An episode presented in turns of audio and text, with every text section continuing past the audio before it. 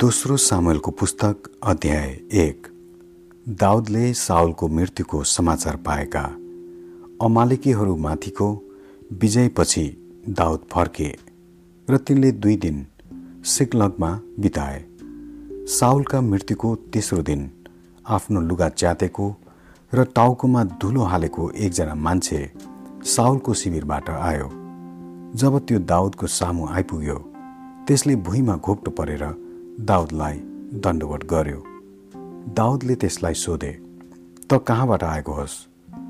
त्यसले भन्यो म इजरायलको शिविरबाट उम्केर आएको हुँ। अनि दाउदले त्यसलाई फेरि सोधे समाचार के छ त? मलाई भन्। त्यसले भन्यो सेना रणभूमिबाट खेदियो र लडाइँमा धेरैजना मारिए। साउल र उनका छोरा जोनाथन पनि मारिए। दाउदले समाचार ल्याउने त्यस जवान मानिसलाई सोधे साउल र जोनाथन मारिए भने तैँले कसरी जानिस्? त्यस मानिसले भन्यो म गिल्बो डाँडामा थिएँ अनि साउल आफ्नो भालामाथि झुकेका मैले देखेँ अनि रथहरू र घोडचरीहरू उनको ठिक पछि मात्र थिए।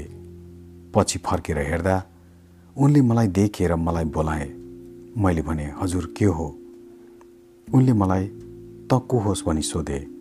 मैले एक अमालेकी हुँ भने तब उनले मलाई भने मेरो छेउमा आएर मलाई खतम गर म जिउँदैछु तर पनि मृत्युको मुखैमा पुगिसकेको छु।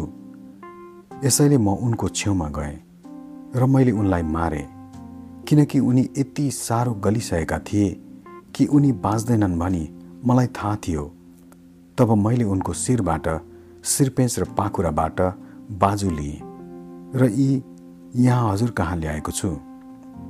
यो कुरा सुनेर दाउदले आफ्नो लुगा च्याते अनि तिनीसँग भएका सबै मानिसहरूले पनि त्यसै गरे अनि साउल उनका छोरा जोनाथन र परमप्रभुको सेना र इजरायलका घराना लडाइँमा मारिएका हुनाले तिनीहरू छाती पिटी पिटिकन रोए र साँझसम्मै उपवास बसे। तब दाउदले समाचार ल्याउने त्यस जवान मानिसलाई भने त कहाँबाट आएको होस्? त्यसले जवाब दियो म एक विदेशीको छोरो एक अमालिकी हुँ। दाउदले भने प्रभुका अभिषेक जनलाई मार्न भनी हात उठाउनु के तँलाई डर लागेन? तब तिनले आफ्ना मानिसहरूमध्येको एकजनालाई त्यस मानिसलाई प्रहार गर्ने हुकुम गरे। यसैले त्यस मानिसले त्यसलाई हिर्काएर मार्यो अनि दाउदले त्यसलाई यसो भनेका थिए तेरो रगत तेरै शिरमाथि परोस्। जब मैले भने मैले परमप्रभुका अभिषेक जललाई मारे तब आफ्नै मुखले तैँले आफैलाई दोषी ठहराइस्। साउल र जोनाथनका निम्ति दाउदको बिलाप त्यसपछि साउल र उनका छोरा जोनाथनका निम्ति दाउदले यसरी बिलाप गरे। अनि यो बिलापको गीत यहुदाका मानिसहरूलाई सिकाउनु भनी हुकुम गरे। यासारको पुस्तकमा यो गीत लेखिएको छ। हे इजरायल तिम्रो महिमा डाँडाहरूमा मरिढलेको छ। महावीरहरू कसरी ढले? गातमा यो कुरा नसुनाऊ अस्कलोनमा सडकहरूमा यो कुरा प्रचार नगर। नत्रता पलेस्तीहरूका छोरीहरू रमाउने छन् नत्रता खतना नभएकाहरू छोरीहरू हर्षित हुनेछन्। हे गिल्बोका डाँडाहरू हो तिमीहरूमाथि सेतकी पानी नपरोस् न त तिमीहरूमा अन्न दिने खेत नै हुन्। किनभने योद्धाको ढाल त्यहाँ अशुद्ध भयो साउलको ढाल तेल बिनै निस्तेज भयो।